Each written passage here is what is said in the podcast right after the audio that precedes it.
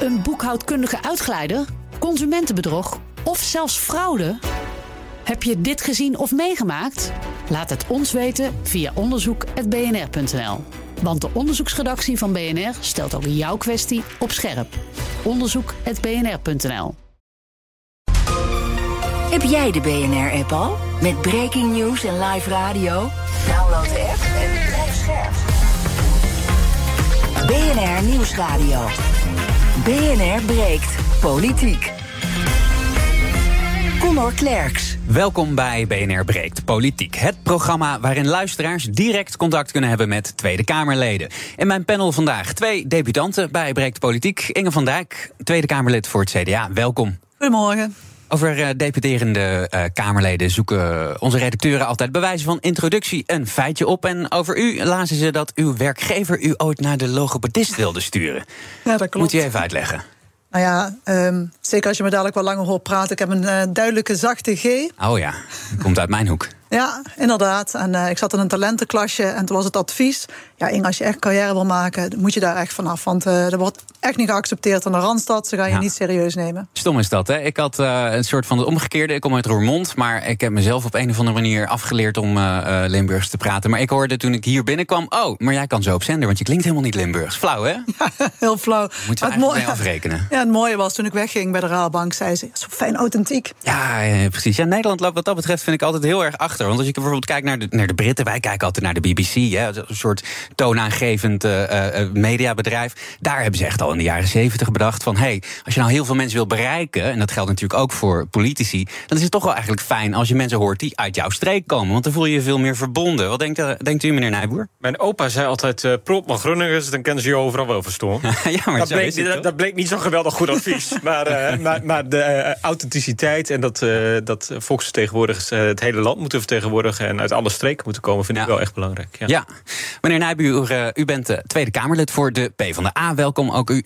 En uh, u beleeft vandaag ook uw vuurdoop. bij u hebben we gevonden dat u ooit uw eigen t-shirtlijn had. Met, met Vraag het Henk erop. Hoe zit dat? En heeft u nog stiekem een exemplaar in de kast liggen? Oeh, misschien wel. Nee, dat, was, dat was een t-shirtlijn van, uh, van Rutger Kastricum. Die toen, uh, toen inderdaad uh, vroeg, die, vroeg die politici elke dag over de actuele stand van zaken. En Martijn mm. van Dam zat toen nog in de Tweede Kamer. was een collega. en die zei toen heel vaak tegen Rutger: vraag het Henk. En op de duur hebben ze dat, be, dat bedrukt. en kreeg ik elke dag Rutger Kastricum achter me aan. Met op de duur zijn t-shirt, inderdaad. Was dat, dat op zichzelf wel grappig? Ja, ja kan ik me voorstellen. Ja. Wij gaan beginnen met het programma. BNR breekt. Breekijzer. En ons breekijzer heeft te maken met onze woningmarkt. Want terwijl de crisis op de woningmarkt steeds groter wordt... doet minister Hugo de Jonge van Volkshuisvesting en Ruimtelijke Ordening, ordening verwoede pogingen om nog meer problemen op de woningmarkt voor te blijven. Onze politiek verslaggever Leendert Beekman verwoordde kort geleden... de inzet van de Jonge als minister van Wonen nog zo. Er gaat bijna geen week voorbij dat we geen plannetje krijgen van Hugo de Jonge... om in ieder geval een impuls te geven aan de bouwopgave voor Nederland. We hebben natuurlijk ook de flexwoningen, de bezwaarprocedures die verkort moeten gaan worden, de regulering van de middenhuur. Kortom, hij heeft echt zijn stempel erop gedrukt. Maar echte resultaten die lijken nog uit te blijven, want... Hij heeft de wind tegen en dat komt vooral door de hoge rente. Ja, en daar heeft hij toch geen grip op. Ja, en daar gaat hij ook geen grip op krijgen, want daar gaat deze minister nu helemaal niet over. Kortom, ons breekhuizen van vandaag. Het is duidelijk dat Hugo de Jonge alles op alles zet voor goede woningbouwplannen. Ben je het eens met die stelling en zie je dat de minister voor Volkshuisvesting en Ruimtelijke Ordeningen erg zijn best doet om de woningmarkt in beweging te krijgen, maar zit het simpelweg niet mee? Of vind je juist dat de jongen nog lang niet ver genoeg gaat en lijken zijn pogingen om de woningmarkt te verbeteren achter elkaar te stranden en ontbreekt het bij de minister aan een duidelijke visie? Ik wil het graag weten. Je kunt ook een vraag stellen aan Henk Nijboer of Inge van Dijk. Bel daarvoor met 020 468 4 Wil je niet bellen, maar wil je wel stemmen? Doe het dan via de stories van BNR Nieuwsradio op Instagram. Aan het einde van dit half uur krijg je een tussenstand van me. Bij me nogmaals uh, onze Kamerleden. Meneer Nijboer, wat is uw reactie op het breekijzer? Nou, ik vind dat Hugo de Jonge eh, veel plannen ontvouwt. Uh, ook wel erg zijn best doet. En op zichzelf ook wel de goede kant, uh, de goede richting op werkt. Maar dat hij niet genoeg doet om zijn eigen doelstellingen te halen. Hij wil 900.000 woningen bouwen in 2030. En dat gaat gewoon zo niet lukken. Nee, dus er is meer nodig. 90.000, dat was bijna. Maar dit jaar wordt het. Wordt het zakt helemaal in. en het wordt alleen maar erger. dus er is nu heel veel nodig om de fouten die in het verleden zijn gemaakt. Namelijk dat als het economisch wat minder gaat. of de rente stijgt en de bouw stokt. om te te zorgen hmm. dat uh, mensen wel aan het werk blijven... en bouwvakkers niet verloren gaan uh, voor de bouw. Want we hebben ze keihard uh, nodig. Dus er zijn een aantal maatregelen voor nodig. daar kan ik op ingaan. allereerst moet er een doorbouwgarantie komen. Je ziet nieuwbouwprojecten steeds vaker stilvallen. Mm 70% moet verkocht zijn en mensen trekken zich terug. En dat is echt, ik krijg het een na het andere voorbeeld... in mijn mail of in mijn omgeving dat ik zeg van... nou jongens, dus de staat kan het heel makkelijk garanderen... want uiteindelijk wordt het wel verkocht. Ja. dan moet je wel willen, dat wil de minister nog niet. Dus dat vind ik niet genoeg. En een tweede wat ook snel kan gebeuren... is uh, nieuwbouwvergunningen afgeven door gemeentes. En daar moet een premie voor komen voor gemeentes... om ze ook te stimuleren dat te doen. En hmm. ook dat wil de minister nog niet. Dus ik vind dat hij best op de goede weg is op een aantal dingen... Uh, maar nog te weinig doet om het uh, echt te zorgen... dat die woningbouw op gang komt. En ook dat er betaalbare woningen worden gebouwd. Dat is niet, ook niet onbelangrijk, hè? Nee, zeker niet. Mevrouw Van Dijk, hoe staat u erin? Dat is natuurlijk wel uw minister. Nou, nou ja, de doorbouwgarantie, daar delen wij heel erg. Ook mijn voorganger Jacob Geurts heeft daar ook mm voor gepleit. En ik denk ook dat we die gemeentes echt moeten gaan helpen om te zorgen dat ze productie kunnen gaan draaien. Vergunningsprocedures doen, duren lang. Ze hebben gewoon de mensen niet uh, om vergunningen af te kunnen geven. Ja. Uh, regelgeving waar ze tegenaan lopen, de samenwerking met de provincie. Daar moeten we echt snelheid gaan maken. En ik vind dat Hugo zich daar ook wel iets meer mee mag gaan bemoeien. Mm, hoe doe je dat, die snelheid maken? Nou ja, misschien toch kijken of we het lef hebben met elkaar om daar toch wat makkelijker mee om te gaan. Nu zien we sommige gemeentes die bovenop de reguliere eisen nog extra eisen leggen. Ja, moeten we dat nu willen? Hmm. Ik vraag me dat serieus af. Er zijn experimenten bij sommige gemeenten die geven een bouwvergunning in één dag af tussen haakjes. Waarbij ze zeggen: uh, mensen waar we hele goede ervaringen mee hebben, die vertrouwen we en we gaan controleren achteraf. Het is allemaal onorthodox, maar we willen wel gaan bouwen. Wat denkt u daarvan, uh, meneer Nijboer? Nou, ik denk dat het een groot uh, probleem is dat op papier er genoeg uh, vergunningen zijn afgegeven of genoeg gronden beschikbaar zijn gesteld, maar dat het in de praktijk niet tot stand komt. En dat heeft met van alles en nog wat te maken hoor. Dat heeft ook met de doorlooptijd van vergunningen te maken, ook met ambtelijke uh, beschikbaarheid, uh, met van alles en nog wat. Maar dat uiteindelijk onderaan de streep zijn die huizen er uh, straks niet. En ik vind dat de minister uiteindelijk verantwoordelijk is om de woningnood in Nederland op te lossen, of in ieder geval in Den Haag verantwoordelijk kan worden gehouden. Ja. En daar moet hij meer aan doen. En inderdaad, het CDA heeft ook die moties gesteund hè, voor die doorbouwgarantie. De, de premies voor de gemeente is er nog niet overigens. Uh, maar de minister wilde nog niet aan. En dat betekent dat het blijft stokken. Ja, we gaan naar de eerste uh, beller. Goedemorgen, je spreekt met uh, Connor. Wat is uw naam? Die heb ik niet doorgekregen, sorry. Ah, dat weet u natuurlijk ook niet dat ik het tegen u heb. Ik zie meneer Hersbergen. Ja, mijn naam is Dolf Hersberger. Goedemorgen. Ik Eindhoven. Goedemorgen. Nou, ik ben het, hoewel ik niet zo'n PvdA-mens ben, ben ik het in grote lijnen wel met meneer Nijboer eens. Ehm, met andere woorden, dat punt van die vergunningen, ik vind dat uh, de jong daar veel te weinig op doorpakt. Ik denk dat hij daar veel strakker in moet zijn en die procedures moet vereenvoudigen, zodat bouwprocessen veel sneller gaan verlopen. Maar hij laat zich aan de andere kant ook te veel gijzelen door de PvdA en GroenLinks.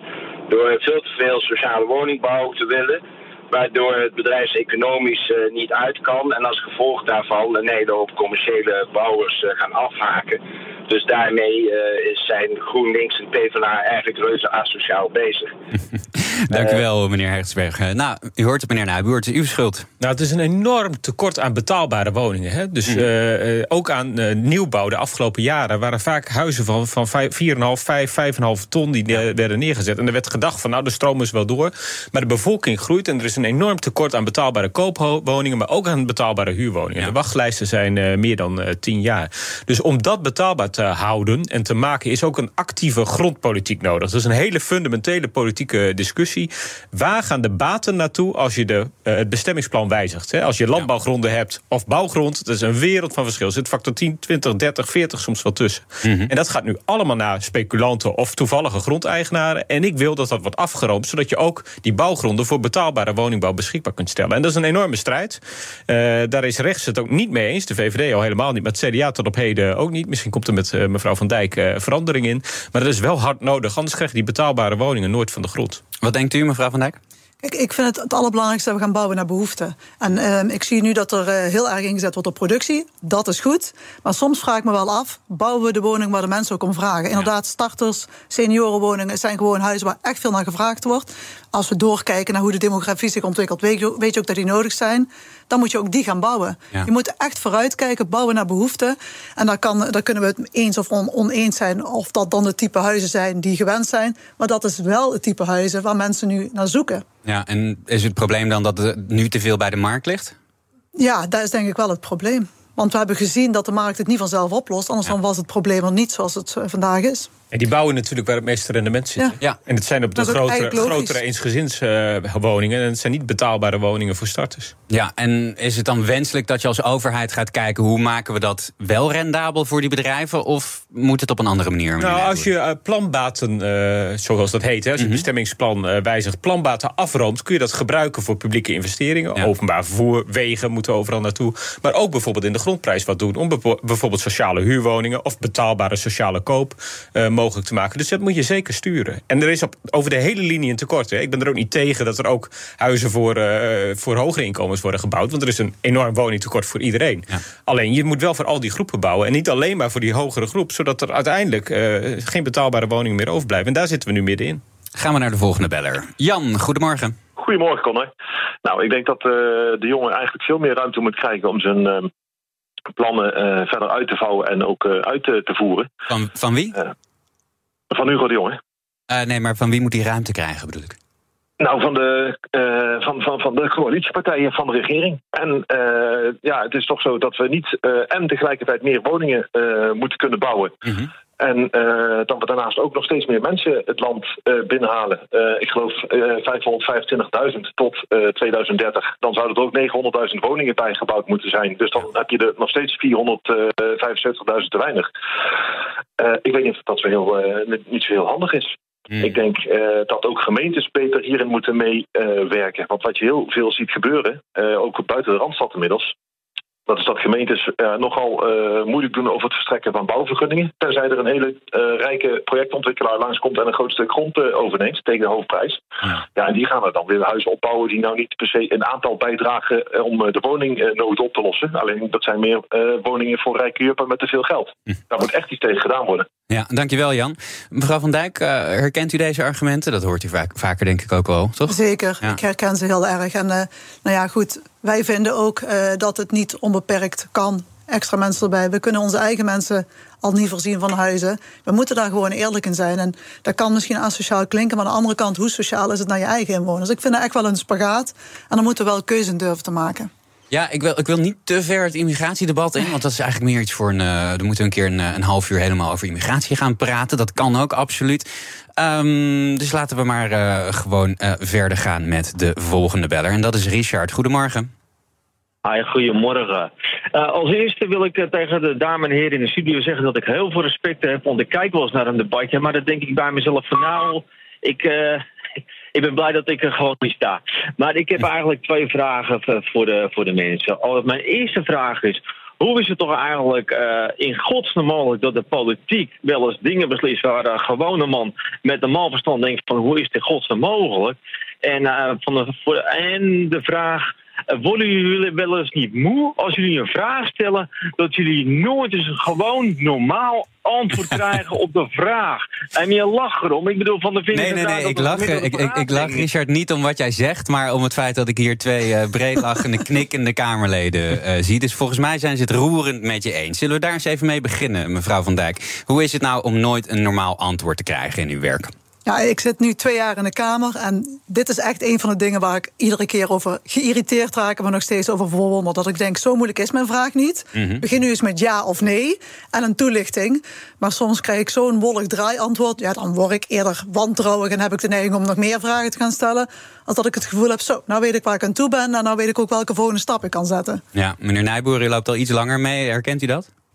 Ja, het is natuurlijk ook. Uh, de ministers willen niet altijd bevraagd worden op de pijnlijke punten waar de Kamer, de Kamerleden hun eh, vinger op uh, leggen. Hè? Dus die proberen daar een beetje bij weg te blijven. En dat is, ja, dat is wel een beetje wat, hoe het debat soms gaat. En dan moet je maar blijven doorvragen. Terwijl het handiger was geweest als ze gewoon eerlijk antwoord gaven. Ik zei ook tegen Hugo de Jonge, de D66 maakt een heel punt dat hij een brief had geschreven van ik ga mijn doelen niet halen dit jaar. Ja, ik vind dat, dat, dat het wel netjes is van een minister dat hij dat eerlijk meldt. Vervolgens moet hij dan meer doen. Daar hadden we het net over. Uh, maar om dat niet te vertellen, waar D66 was echt boos van... we bent nu voor domdenker en doe dat nou niet. Ja, ik, dat, dat is wel uh, de eerlijkheid die je nodig hebt. En dat doen ze niet allemaal. Uh, en ja, dan is het aan ons om daarop door te vragen. En dat is soms vermoeiend, maar ja, het wordt ook wel bij ons werk natuurlijk. Hè. Ja, en dat, dat, dat, dat grenst een beetje aan de, de andere vraag van Richard. Want dat is ook iets wat ik in elk geval vaker hoor. Ik denk dat jullie dat als Kamerleden ook vaker horen. Zijn vraag is eigenlijk, hoe is het nou mogelijk dat in, in Den Haag beslissingen worden genomen... die voor de, uh, zoals hij zei, zei, geloof ik, de gewone man eigenlijk uh, dat je denkt, hoe is het mogelijk? Is dat nou een communicatieprobleem? Zal ik bij u beginnen, mevrouw Van Dijk? Um, ja, het is een communicatieprobleem, maar het is ook wel, uh, bijvoorbeeld, wij doen toevallig ook allebei fiscaliteit. Systemen lopen maximaal vast aan alle kanten. Ja. Um, dan lijkt er een hele logische oplossing voor de hand te liggen. Maar ja, de computer zegt no, de uitvoering mm -hmm. zegt no. En dan ja. moet je dat uit gaan leggen aan burgers. Kom je bij een debat over wat groente zijn? Ja, en die denken van, ja maar hallo, als zelfs de Rijksoverheid het niet meer voor elkaar krijgt, wie dan nog wel? Hmm. Ik snap heel goed dat mensen dat niet kunnen begrijpen. Ja, meneer Nijboer? Nou ja, ik zit ook in de politiek om politieke keuzes uh, bloot te leggen. Hè. En een van de grote financiële keuzes uh, van, van deze coalitie, in ieder geval de afgelopen jaren, was de dividendbelasting afschaffen. Dat was gewoon een ja. politieke keuze. Begreep een normaal mens niks van. En daar hebben wij keihard tegen oppositie tegengevoerd om dat van tafel uh, te krijgen. Dus er zitten vaak ook gewoon belangen achter die niet, die, die niet iedereen deelt. En die uh, in dit geval de VVD uh, toen wou doordrukken. Uh, dus... BNR breekt politiek. Je luistert naar BNR Breek Politiek. Met vandaag in mijn panel Henk Nijboer, Tweede Kamerlid voor de PvdA... en Inge van Dijk, Tweede Kamerlid voor het CDA. We praten over het breekijzer. Het is duidelijk dat Hugo de Jonge alles op alles zet... voor goede woningbouwplannen. Wil je reageren? Bel dan 020 468 4 of stem in de stories van het BNR Nieuwsradio op Instagram. Ja, het kabinet heeft uh, het plan om een groot deel van de vrije huursector te gaan reguleren... om zo uh, huurders tegen woekerprijzen te beschermen. Mevrouw Van Dijk, is dit een stap in een goede richting? Ja, dat is een stap in de goede richting. Daar hebben we onlangs ook uh, een wetsbehandeling voor gehad. Uh, mede op initiatief van, uh, van mijn collega hier. Ja. En wij hebben daarvoor gestemd. Meneer, ja, u bent het vanzelfsprekend ook. Ja, de einde contracten ben ik groot voorstander van. Ja, daar heb ik zelf een initiatiefwetsvoorstel met de heer Grimbis uh, over geschreven. En dat is echt voor heel veel mensen. We zijn hier in Amsterdam, hè, BNR zit in mm -hmm. Amsterdam. Heel veel mensen veel last van hebben dat die huurcontracten tijdelijk uh, worden verleend. En steeds die huren omhoog worden gegooid. En dat mensen op zoek moeten naar een nieuwe woning. Ook van uh, verhuurders die geen huisjesmelkers zijn, maar ook van beleggers die dat doen. En daar wordt een einde aan gemaakt als de Eerste Kamer ons wetsvoorstel ook aanneemt. Ja, um, tegenstanders zeggen dat er een kans bestaat dat die regulering nog een rem zet op de bouw van nieuwe woningen. Wat zegt u tegen die tegenstanders? Nou, ik vind wonen een grondrecht.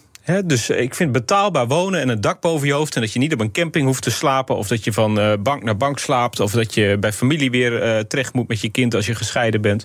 Dat vind ik dat de overheid daarin moet voorzien dat dat mogelijk wordt gemaakt. En als je woningen ziet als markt... wat je de huizen mag kopen als bezit... en daarmee mag doen wat je wil en maximaal rendement mag maken... snap ik die mensen wel. Maar ik vind dat alle woningen in Nederland waar een tekort aan is... dat de overheid daar enige sturing op mag geven. En dus ook mag reguleren wat redelijke huren zijn... wat redelijke prijzen zijn... wat redelijke inkomsten voor verhuurders zijn. Hoe ver zou je daar willen, in, in willen gaan en eigenlijk het, het terugnemen van de markt? Nou, ver. Ik vind dat eigenlijk uh, bijna alle woningen onder het zogenaamde puntenstelsel moeten komen uh, te vallen. Zodat je kunt berekenen, kunt zien wat is een redelijke prijs voor een woning op die plek. Van die kwaliteit en die grootte. Uh, dat vind ik een heel redelijk uitgangspunt. Is ook in heel veel landen zo.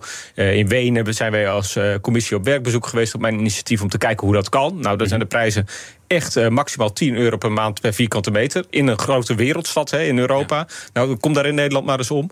Uh, dus dat, die laten zien dat dat kan. En dan hoeft het voor mij niet naar 10 euro per vierkante meter. Maar ik vind wel dat iedereen fatsoenlijk betaalbaar moet uh, kunnen wonen. En dat kan als je het reguleert. En de consequentie is inderdaad dat mensen die vastgoed bezitten, dat dat minder waard wordt. Mm. Uh, dat is de afweging die wij politiek kunnen maken. Kies je de kant voor betaalbare huren of kies je de kant voor vastgoedbeleggers?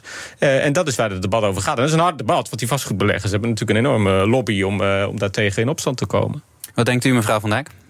Uh, ik kan een, een, een stuk meegaan uh, met de PvdA, maar er zijn ook gewoon kleine ondernemers die één of twee pandjes hebben gekocht als pensioen. Die zijn nu wel echt in paniek. En ik vind dat we daar ook onze ogen echt niet voor mogen sluiten. En daar wel over na moeten denken. Kijk, en um, ze hebben dan de neiging om te zeggen: ja, door die wet gebeurt dit. Maar het is gewoon een stapeling aan dingen die nu gebeuren. En heel veel van die dingen moeten ook gebeuren. Waardoor het in een stroomversnelling terechtkomt. Ja. En daar moeten we ook wel over nadenken. Als we dit willen, willen we dit dan ten koste van alles? Of ga je ook ergens nadenken van ja, hoe ga je die mensen die voor een pensioen bijvoorbeeld een pandje hebben gekocht, hoe ga je zorgen dat die niet door het ijs zakken? Want dan gooi je ook iets weg wat je ook dat, niet dat wil. Dat vind ik eigenlijk meer een praktisch bezwaar. Hè? Dat, dat zou je eh, op een of andere manier zou je dat bijvoorbeeld kunnen compenseren. Maar principieel, wat vindt u ervan? Uh, principieel hebben we gezien dat de markt het gewoon niet oplost. Dus er zullen andere dingen moeten gebeuren. En die transitie die doet voor een deel pijn. Hmm. Als je mee wilt praten of een vraag hebt voor Henk Nijboer of Inge van Dijk, bel dan met 020 468 4 0 Net zoals meneer Huigens. Goedemorgen. Met uh, Huigens. Dag meneer Huigens. Dag. Uh, nou, uh, we moeten oordelen over het werk van, uh, van deze minister. Ja. Maar ik vraag me af, spreekt hij nou voor zichzelf? Want wat hij op zijn, op zijn bureau heeft liggen is natuurlijk veel breder dan, dan het woning. dus ik, ik zou willen dat ik een antwoord van hem kreeg hoe het kabinet erover denkt. Mm. En niet, en niet dat hij het alleen moet oplossen, want dat kan nooit. Want het probleem is veel breder dan alleen SEC waar we het over hebben. Mm. En, uh, en onze minister-president die zit in Moldavië. Dus ja, jongen, waarom, waarom wordt die man opgeofferd... terwijl hij dit probleem nooit alleen kan oplossen? Dus ik denk dat, dat daar een, een groot uh, mis zit... En het hele kabinet is ook verantwoordelijk voor het opschuiven, opschuiven, opschuiven, ook op dit terrein. Dus waarom moet hij het alleen oplossen? Dus ik wil antwoord hebben of, of dat de mening van het kabinet is. Hmm. Nou ja, het uh, kabinet spreekt doorgaans met één mond, uh, zijn uh, geloof ik de officiële regels. Ik denk dat we die vraag op die manier kunnen beantwoorden. Zeg nou iets geks, mevrouw Van Dijk? Nee, u zegt niet iets geks. Probeer maar, uh, maatschappijleerlessen weer heel snel terug te halen. Nee, maar één punt uh, herken ik wel. Uh, ministers zijn verantwoordelijk voor hun domein... maar problemen zijn nooit op één ministerie op te lossen. Nee. Ze gaan heel veel ministeries over. En als daar niet goed samengewerkt wordt... dan kun je daar als minister flink veel last van hebben. Nou, laten we wel zijn, als je 900.000 huizen wil bouwen... dan moeten daar wegen naartoe, dan moeten ja. openbaar vervoer naartoe. dat kan niet meer overal, want we hebben ook een enorme krapte. Hè. De, de natuur heeft ook ruimte nodig. Rivieren hebben ruimte nodig. De droogte neemt toe. Dus dat is echt veel breder dan alleen uh, Hugo de Jonge kan uh, beslissen. En zo gaat dat eerlijk gezegd ook wel in Nederland. Er zijn wel meer die zich ermee bemoeien. Of dat nou allemaal de snelheid ten goede komt, is een vervolgvraag. Dat, dat antwoord is wat mij betreft nee. Laten we ter afsluiting van uh, dit half uur nog even kijken. Wat, wat als we nou een rapportcijfer zouden moeten geven voor het functioneren van Hugo de Jonge? Meneer Nijboer, waar hikt u op nu? Nou, ik vind het eigenlijk te vroeg. Dus ik zou hem uh, best een uh, 7,5 of zelfs een 8 min voor zijn ambities willen geven. Maar voor de uitvoering, uh, ja, hij zit er nu. het kabinet is halverwege de rit nu. Hè? Dus voor de uitvoering blijf ik haast richting 5 stokken op het moment. Maar ja, dat is eigenlijk nog te vroeg. Oké, okay, mevrouw Van Dijk? Ja, ik zit nu drie weken op uh, het dossier wonen, dus voor mij is dat helemaal te vroeg. Uh, aan energie kan me niks ontzegd worden. Dat is in ieder geval een feit. Zometeen uh, gaan we verder praten over uh, onder andere de vrijwillige ouderbijdrage in het basisonderwijs. Of we daarvan af moeten. En de schadeafhandeling in Groningen, want daar dreigen alweer nieuwe problemen. Gaan we zo allemaal bespreken bij uh, BNR Breek Politiek. Eerst nog even de tussenstand. Je kunt de hele dag stemmen op ons breekijzer op Instagram. Momenteel is 74% het oneens met ons breekijzer. Namelijk, het is duidelijk dat Hugo de Jonge alles op alles zet voor goede woningbouwplannen. Dus ja, PR-technisch is er nog wat werk bij het CDA te verrichten. Maar de ambitie hoorden we net, die is er in elk geval. BNR Nieuwsradio. BNR breekt politiek. Conor Klerks. Met in mijn panel vandaag Inge van Dijk, Tweede Kamerlid voor het CDA... en Henk Nijboer, Tweede Kamerlid voor de Partij van de Arbeid. En we gaan praten over het nieuws van de dag. Er is inderdaad sprake van een ereschuld. Daar kunnen en willen we niet omheen. En die schuld die moet worden ingelost. Wat nodig is, zijn concrete acties en verbeteringen in de huidige manier van werken. Dat zei minister-president Mark Rutte eerder dit jaar tegen de Groningers. Maar de inlossing van die schuld levert mogelijk alleen maar nieuwe problemen op. Zo waarschuwen de Nationale en de Kinderombudsman in een brief aan de Tweede Kamer. Meneer Nijboer, u komt uit Groningen. Heeft u de brief gezien? Ja, ik heb het uh, gezien. En het is inderdaad ook een bekend uh, probleem... dat ja. uh, er steeds weer nieuwe grensgevallen komen... bij de regelingen die het kabinet aankondigt. We hebben volgende week het debat in de Tweede Kamer... over de enquêtecommissie en de uitkomsten daarmee. Mm -hmm. Daar moet aan de ene kant premier Rutte verantwoording afleggen... over het, hoe het zover heeft kunnen komen de afgelopen jaren... en hoe de Groningers zo in de steek gelaten ja. kunnen zijn.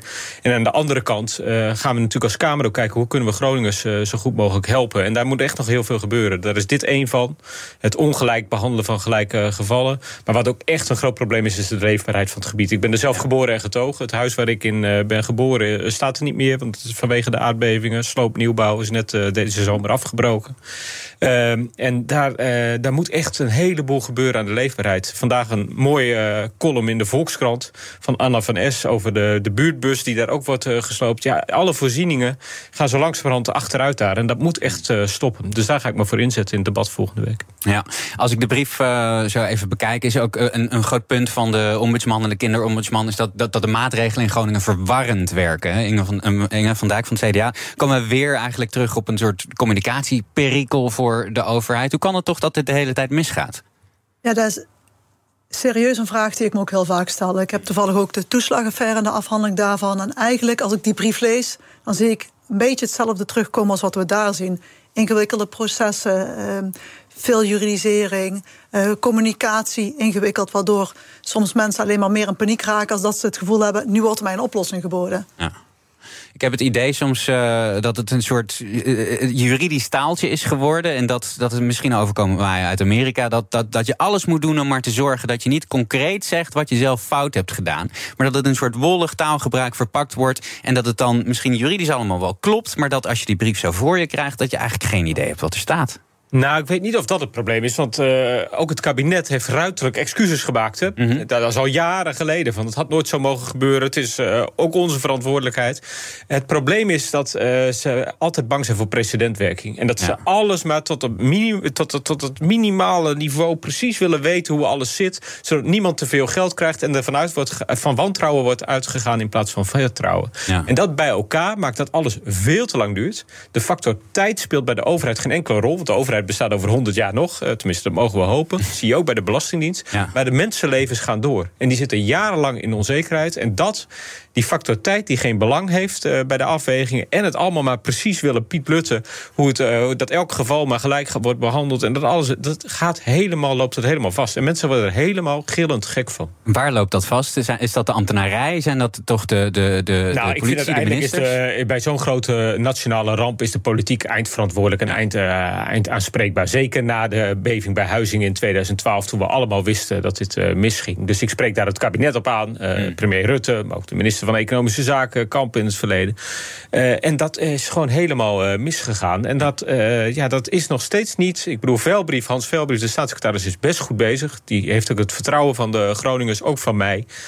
Maar er moet nog wel heel veel gebeuren en, uh, en opgelost. Want ja, het duurt gewoon allemaal veel te lang. Ja, de ombudsmannen zien ook een rol voor jullie als Kamerleden om een oogje in het zeil te houden. Hoeveel macht heeft u voor uw gevoel in dit dossier om de ministers, de, het kabinet eigenlijk ter verantwoording te roepen en te zorgen dat de juiste dingen gebeuren, mevrouw Van Dijk? Nou, ik denk dat we moeten zorgen dat we inderdaad bovenop die bal blijven zitten. En door continu bovenop die bal te zitten, en dat gebeurt ook op dit dossier. Kun je je macht natuurlijk vergroten als Kamer. Mm. Hoe meer je aandacht je ervoor vraagt en hoe vaker je het uh, ter sprake brengt, hoe meer het ook een actueel thema blijft. Kijk, als de Kamer ervoor kiest om er over een, een half jaar niet meer over te praten, ja, da, dan loop je het risico uh, dat dingen wegzakken. En dat mogen we gewoon niet laten gebeuren. Dus het is echt ook aan ons om het onderwerp continu uh, op tafel te leggen. Nou, soms, soms lukt het hè, om wat, uh, wat uh, dingen te herstellen en te verbeteren. Bijvoorbeeld de schaderegeling werd op postcodegebied. Sommige, de ene buurman kreeg wel uh, schadesvergoed, de andere niet. Dat hebben we als Kamer kunnen herstellen. Ik was zelf tegen de Groningenwet die er nu ligt. Omdat schade en versterking... Hè, in Groningen moeten huizen versterkt worden ja. bij een beving... zodat ze niet omvallen. En schade is natuurlijk schade. Dat zijn twee verschillende instanties. Nou, mensen worden bijna iedereen die versterkt moet worden, heeft schade. Ja. En daar, dat is de reden waarom ik uiteindelijk, de PvdA heeft uiteindelijk tegen de Groningenwet gestemd, die nu eh, voor zoveel ellende zorgt. Dus dat was wel voorzien. Eh, daar zijn eerlijk gezegd ook wel de enquêtecommissie, maar ook coalitiepartijen zeggen nu, dat hadden we nooit zo moeten doen. Ja, dat heb ik, heb ik niet kunnen keren, ondanks mijn eh, tegenstem en ondanks dat je het hebt kunnen zien aankomen. Maar af en toe kunnen we het wel in de goede richting drukken. Maar eerlijk gezegd deel ik wel de conclusies van de enquêtecommissie dat ook het parlement te weinig voor Groningen heeft betekend. Mevrouw Van Dijk? Ja, het is niet mijn dossier, maar nogmaals, ik zie hier heel veel parallellen met eh, andere dossiers. Ik denk dat dat gewoon correct is. Hmm. We gaan het hebben over de ouderbijdrage. Denk aan de Rome-reis, een dag naar een museum of eh, andere schoolreisjes. Daarvoor hoeven ouders misschien niet meer in de buidel te tasten aan het begin van het schooljaar. Want de vrijwillige ouderbijdrage die zou moeten worden geschrapt. Althans, dat vinden de onderwijskoepels, waaronder het LAX, de VO-raad en de PO-raad. Ja, als de ouders niet meer hoeven op te draaien voor de kosten, wie dan wel? Dat is eh, ja, de overheid natuurlijk. Wat vindt u van het plan, Inge van Dijk? Nou, volgens mij is er ook een motie ingediend, ehm, ook, volgens mij door de PvdA, uh, ook breed ondersteund, om dit te bewerkstelligen. Dus ja, daar zijn wij het mee eens. En de gedachtegang daarachter achter eh, is, is volgens mij ongelijkheid bestrijden, meneer Nijboer? Ja, kijk, wat, wat je ziet is dat er steeds meer, eh, ook bij kinderen, ook eerlijk gezegd breder dan alleen scholen, hè, ook op voetbalclubs, op eh, tennisverenigingen, op andere sportverenigingen, culturele eh, verenigingen, dat steeds meer groepen kinderen van mensen met een theoretische opleiding zich verzamelen en dat er achterstandsscholen ontstaan. En dat moet je echt tegengaan. En een van de selectiemechanismen is de eigen bijdrage. Hè, want ouders met een hoog inkomen kunnen dat makkelijk betalen en ouders met een laag inkomen kunnen het niet betalen. En zo krijg je scholen die steeds meer gericht zijn op, eh, op eh, die kinderen. En dan krijg je ook eh, achterstandsscholen. En dan moeten we echt. Onderwijs moet voor iedereen. Dat is echt een fundamentele waarde in onze samenleving. Dat iedereen wat van zijn leven eh, kan maken. En dat je fatsoenlijk onderwijs eh, krijgt. Ja. En dat, dat onderscheid maken met dat geld. Waar ze dan ook nog beter onderwijs kunnen geven. Hè, want je kunt met dat geld ook investeren in het onderwijs. Wat kansenarme scholen dat minder kunnen. Ja, daar moeten we echt mee stoppen. Hmm, mevrouw Van Dijk? Ja, en eh, kinderen, dat kinderen ehm, niet mee kunnen op een schoolreisje of eh, niet mee kunnen omdat een faciliteit niet betaalbaar is, Ja. ja. daar moeten we echt vanaf. Hmm. Het kan, het kan niet zo zijn dat je binnen klassen ook verschillen krijgt. Dat kinderen zelfs naar elkaar gaan kijken van... oh ja, die kan niet mee, want er zal wel geen geld zijn. Ja. Kan gewoon niet. Er moet gewoon gelijkheid komen. Ja, dat kan ik me wel goed voorstellen. Je, je creëert hier eigenlijk ook een soort ongelijkheid tussen scholen in. Hè? Want als je inderdaad, zoals meneer Nijboer eh, zegt, je gaat een beetje selecteren aan de poort. Je krijgt ook bepaalde regio's waar dan veel geld zit, bepaalde scholen waar veel geld zit. En dan krijg je dus ook eigenlijk, ja, eh, beter wil ik niet zeggen, maar in elk geval rijker onderwijs. Als je inderdaad bijvoorbeeld zo'n Rome-reis krijgt of dat soort dingen. Die op een andere school niet betaald kan worden omdat de ouders niet zoveel geld hebben. Nou ja, en ik denk dat je juist een rijker onderwijs hebt. Als je heel veel diversiteit in je klasse hebt. En kinderen op hele jonge leeftijd al leren dat er, dat er verschillen zijn. Maar dat dat niet wil zeggen dat je meer of minder bent dan de ander. Dus ik vind juist bij elkaar een hele grote waardevolle toevoeging. BNR breekt. Wij gaan nog even verder met BNR Breekt Politiek. Met mijn Kamerledenpanel bestaat vandaag uit Henk Nijboer, Tweede Kamerlid voor de PvdA... en Inge van Dijk, Tweede Kamerlid voor het CDA. Mevrouw van Dijk, u wilde het graag hebben over het ronde tafelgesprek... met de titel Elke regio telt. Dat was afgelopen woensdag. Wat is daar allemaal besproken? Nou ja, ehm, eigenlijk hebben we het hier al een paar keer ook aan bod gehad. eh, Groningen, waarbij we constateren dat er gewoon steeds meer voorzieningen verd- verdwijnen. Wat daar vooral besproken is, is van dat we eigenlijk in de loop van de jaren de verschillen steeds groter hebben zien worden tussen Ja. de regio's. Er is heel veel geïnvesteerd. Ik vind dat heel vervelend hoe ze dat zeggen in de winnaars en minder in de, de losers. Nou, daar kom ik dan vandaan eh, uit zo'n gebied, om het zo maar te zeggen. Ja. Daardoor zijn voorzieningen verdwenen en zijn er echt verschillen ontstaan tussen de regio's, waardoor leefbaarheid onder druk is komen te staan, zelfs gezondheid onder druk is komen te staan. En ik denk dat we in Nederland elkaar juist heel hard nodig hebben. Ik hou ook van die verschillen.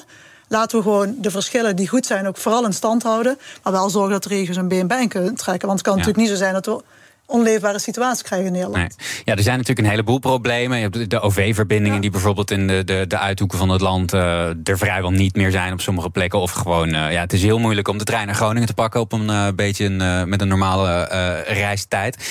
Waar zou u beginnen? Ik zou eens beginnen, en dat zijn we nu aan het doen, met heel goed te luisteren waar die regio's behoefte aan hebben. Want het is niet één snelle klap en we hebben een oplossing met elkaar bedacht. Het zijn heel veel verschillende dingen die we moeten doen. Daarom zijn zo'n ronde tafelgesprekken ook eh, heel interessant. Bestuurders zijn aan het woord, maar ook heel veel lokale initiatieven. En wat ik bijvoorbeeld heel belangrijk vind, is dat we die kracht van onderop veel meer ruimte gaan geven. Dus in plaats van dat we zeggen, oh, komt weer eh, een burgerinitiatief aan om een eigen leefbaarheid te versterken, dat we zeggen als overheid, ga zitten en wij gaan kijken hoe we jullie kunnen helpen. Want je ziet gewoon dat daardoor hele essentiële dingen wel overeind kunnen blijven. Ja. En zijn er ook grote regionale verschillen in de problemen met de leefbaarheid? Of komt het wel enigszins overeen? Nee, er zijn, er zijn ook echt wel verschillen tussen de verschillende gebieden. Wat ook natuurlijk logisch is. Je hebt gebieden die veel uh, agrarischer getint zijn. Je hebt gebieden, nou ja, net als Groningen, waar we net over hebben. Dus vandaar dat ik zeg, begin echt met luisteren voordat je al gaat invullen. En doe het ook vooral samen met die uh, decentrale overheden, die natuurlijk veel beter weten wat er nodig is op die gebieden. Ja, meneer Nijboer, volgens mij is niemand tegen uh, dit soort plannen, toch? Nee, ik ben daar voorstander van, maar dat kost natuurlijk wel geld. Hè? Als je een bus wil laten rijden, de reden waarom ze, ze buslijnen schrappen, is omdat uh, er te weinig geld uh, voor wordt beschikbaar gesteld ja. door het Rijk door dit kabinet, hè, om het even politiek uh, te maken. Mm -hmm. De reden waarom ziekenhuizen. We hebben in Groningen een hele discussie gehad over het kinderhartcentrum in, uh, in, in, Groningen. Dus echt, dat is, dat, daar zijn heel erg veel gezinnen met kinderen. En ook heel erg veel verpleegkundigen die hun werk doen van afhankelijk. Mm -hmm. Dat is een enorme strijd geweest om dat open te houden. Hè. Dan heb je niet eens over het investeren om het beter te maken. Dan heb je het om het te behouden. Uh, en dat gaat telkens weer van de gevangenis in Ter Apel tot. want er zit ook een gevangenis naast een asielzoekerscentrum. Ja. Tot, tot de, de kazerne in Assen. Elke keer moet er weer strijd worden geleverd om überhaupt de voorzieningen te behouden. En steeds sluit weer wat. Dan gaat er weer een zwembad dicht. Nu in Oldamt een enorme discussie in het oosten van Groningen. Dan sluit er weer een bibliotheek. Dus ik ben er zeer voor er meer in te investeren. Maar ik zou ook tegen het kabinet willen zeggen: hoe kan het dat er bij voortduring eigenlijk de kleinere en middelgrote steden in Nederland en de kleinere dorpen, dat die steeds slechtere voorzieningen krijgen? Waarom doet u daar niks aan? Hmm. En wat is de voor de hand liggende optie? Er kan meer geld ergens naartoe. Waar moet ja, dat natuurlijk, naar maar dat kost geld. Hè? Als je ja. bibliotheken open wil houden, of scholen wil openhouden, of ziekenhuizen open wil houden, of uh, openbaar vervoer. Ja, dat ja. is in het platteland is minder rendabel dan uh, een metrolijn in Amsterdam. Ja. Maar voor de leefbaarheid uiteindelijk, als je alles bij elkaar optelt en die voorzieningen uh, verdwijnen steeds meer, wordt het een ramp. Ja. Uh, en dat is wel echt een, een, sluipende, nou ja, moordenaar zou ik niet zeggen, maar een sluipende verelending van het platteland ja. is wel aan de gang. En daar moet je echt wat aan doen. En dat is al twintig jaar, en dat zegt mevrouw Van Dijk terecht, er zijn een beetje de, de, de economische winnaars zijn gekozen, bewust beleid. En dat pakt nu uh, desastreus uit. Dus dat moet echt gekeerd worden. En dat kost wel geld. En dat mis ik nog wel bij het kabinet. Want je kunt, ja, je kunt het allemaal vinden, dat vinden we allemaal, dorpshuizen open en zo, maar die, die zijn niet gratis. Nee. Wat denkt u daarvan van het financiële argument, mevrouw Van Dijk? Ja, zeker gaat het geld kosten, maar het is wel meer dan geld. Het is niet zo, gooi er heel veel miljarden tegenaan en het is dus opgelost. Het is ook echt ruimte geven aan die lokale uh, overheden en de lokale initiatieven. Alleen met geld ben je er echt niet. Je moet ook gewoon echt anders gaan kijken naar die samenleving. En niet denken, in Den Haag weten we wel hoe het moet. Er zijn problemen in de regio en wij gaan wel even voorschrijven hoe we die gaan oplossen. Nee, wij moeten gewoon eens gaan luisteren wat zij daar nodig hebben. Maar het ja. eerste wat alle gemeentes zullen zeggen, die hangen financieel totaal in de touwen. Hè? De gemeentes in Nederland hebben weinig uh, mogelijkheden om zelf financieel uh, keuzes te maken. Die hebben allemaal financiële problemen, zeker de komende jaren. Dus de een die bezuinigt op armoede, de ander bezuinigt op wegen, de ander bezuinigt op openbaar vervoer, de ander bezuinigt op bibliotheken en dorpshuizen. Maar ze zijn allemaal aan het bezuinigen. En dat, ja, daar kunnen we linksom of rechtsom. Ik vind prima dat gemeentes kiezen welke voorzieningen zij belangrijk vinden. Maar als zij niet kunnen kiezen tussen het voetbalveld of, de, of het sportcentrum of een cultureel uh, theater uh, openhouden of een dorpshuis openhouden, dan houdt het wel op. En dat is nu wel aan de gang. Mevrouw Van Dijk? Ja, zeker. Ik ben zelf ook wethouder financiën geweest. Dus ik weet hoe het is om te bezuinigen. En dat is niet leuk, want het zijn altijd niet populaire keuzes die je op straat mag uitleggen. Dat is nog net iets moeilijker dan uh, in de Tweede Kamer, want daar is, toch, is toch iets meer afstand. Maar uh, ja, het is geld, maar het is ook echt. Geef mensen gewoon zelf regie. Dan kun je soms ook met minder geld meer bereiken. En die combinatie, daar moeten we gewoon slimme dingen in gaan zoeken. Oké, meneer Nijboer, u wilde het hebben over het verantwoordingsdebat. Over het jaar 2022 was afgelopen woensdag. Als ik het goed begrijp, vindt u dat het kabinet eigenlijk structureel niet waarmaakt wat ze beloven? Dat is precies het uh, probleem. Het kabinet heeft best grote ambities. En als je het over geld gesproken heeft, ze hebben voor zichzelf en hun eigen ambities: hè, klimaatfonds, stikstoffonds, ja. ook onderwijs, uh, woningbouw, hebben ze allemaal geld uh, gereserveerd, vele miljarden. En ze geven het niet uit. En dat het geld niet uitgegeven wordt, kun je denken: nou, dat is meevallen.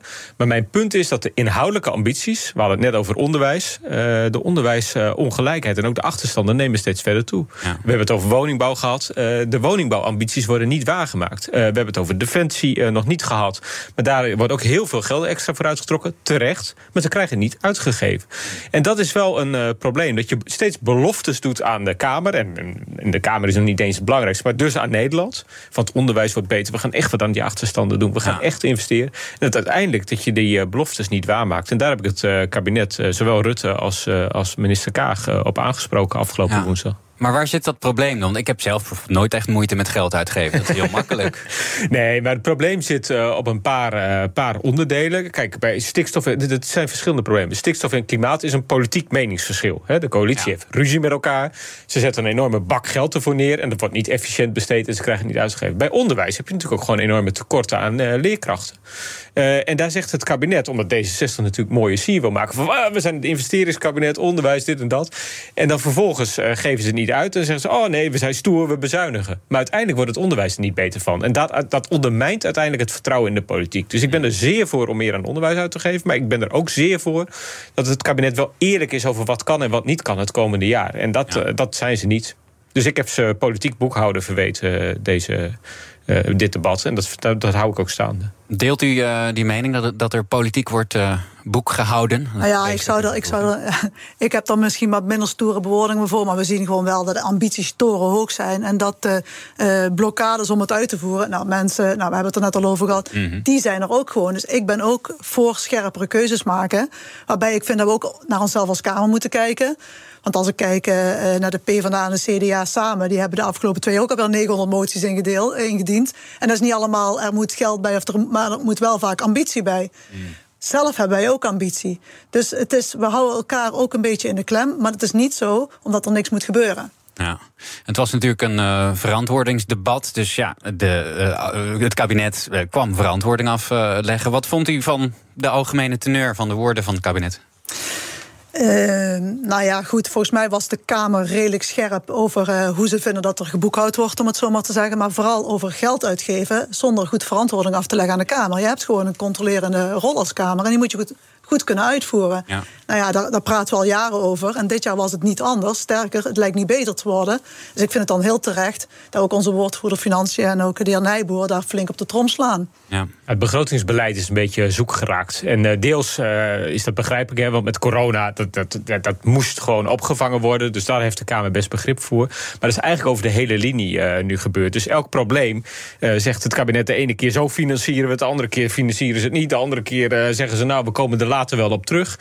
En daarbij uh, respecteren ze het budgetrecht van de Kamer niet. Hè. Dus dan geven ze geld uit zonder dat de Kamer uh, dat van tevoren heeft goedgekeurd. Mm Maakt dat het begrotingsbeleid uh, echt gewoon één grote bende is geworden. En dat zegt zowel de Raad van State, die zegt het iets netter. Ja. Maar daar komt het wel op neer. Als het CPB, als, als de Algemene Rekenkamer. En de Kamer heeft echt deze week wel een streep getrokken van zo kan het niet langer. En dat ben ik zeer eens. Hè. De politiek hoort te gaan over welke keuzes maken we. Ja. Hè, willen we een hogere winstbelasting, waar ik voor ben? En wil je een hoog minimumloon, zodat iedereen fatsoenlijk kan bestaan? Dat is wat ik wil. Uh, eh, VVD wil wat anders. Allemaal prima, maar dat kan alleen als je eerlijk en netjes begroot en daar het debat over hebt. En dat maakt het kabinet met deze begrotingen, uh, overigens ook onder Hoekstra was dat al wel een probleem, uh, steeds minder goed mogelijk.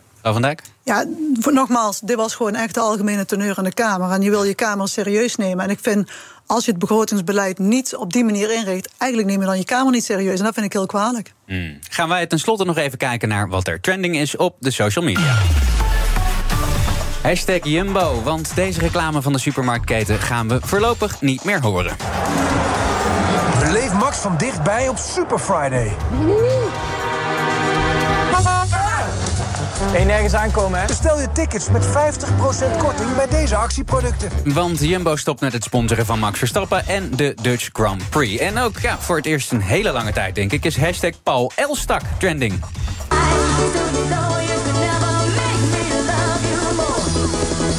Ja, dat zegt Paul Elstak niet meer tegen zijn vrouw Christel... want de twee gaan na 14 jaar scheiden. En hashtag Franse influencers uh, is trending... want zij moeten vanaf nu op hun social media platformen... aan hele strenge eisen voldoen. Anders dreigt er een geldboete die op kan lopen tot 300.000 euro... of zelfs een gevangenisstraf van maximaal twee jaar. De koningin van de influencer marketing, Magali Berda... bood op YouTube alvast haar excuses aan. Tot zover BNR Breekt Politiek voor vandaag. Dank aan mijn panelleden Henk Nijboer, Tweede Kamerlid voor de PvdA... en Inge van Dijk, Tweede Kamerlid voor het CDA. Maandag is BNR Breekt er weer. Tot die tijd volg je BNR via de socials zoals YouTube, Instagram en Twitter. Zometeen hoor je BNR Zaken doen met Thomas van Zel. Alvast een fijn weekend.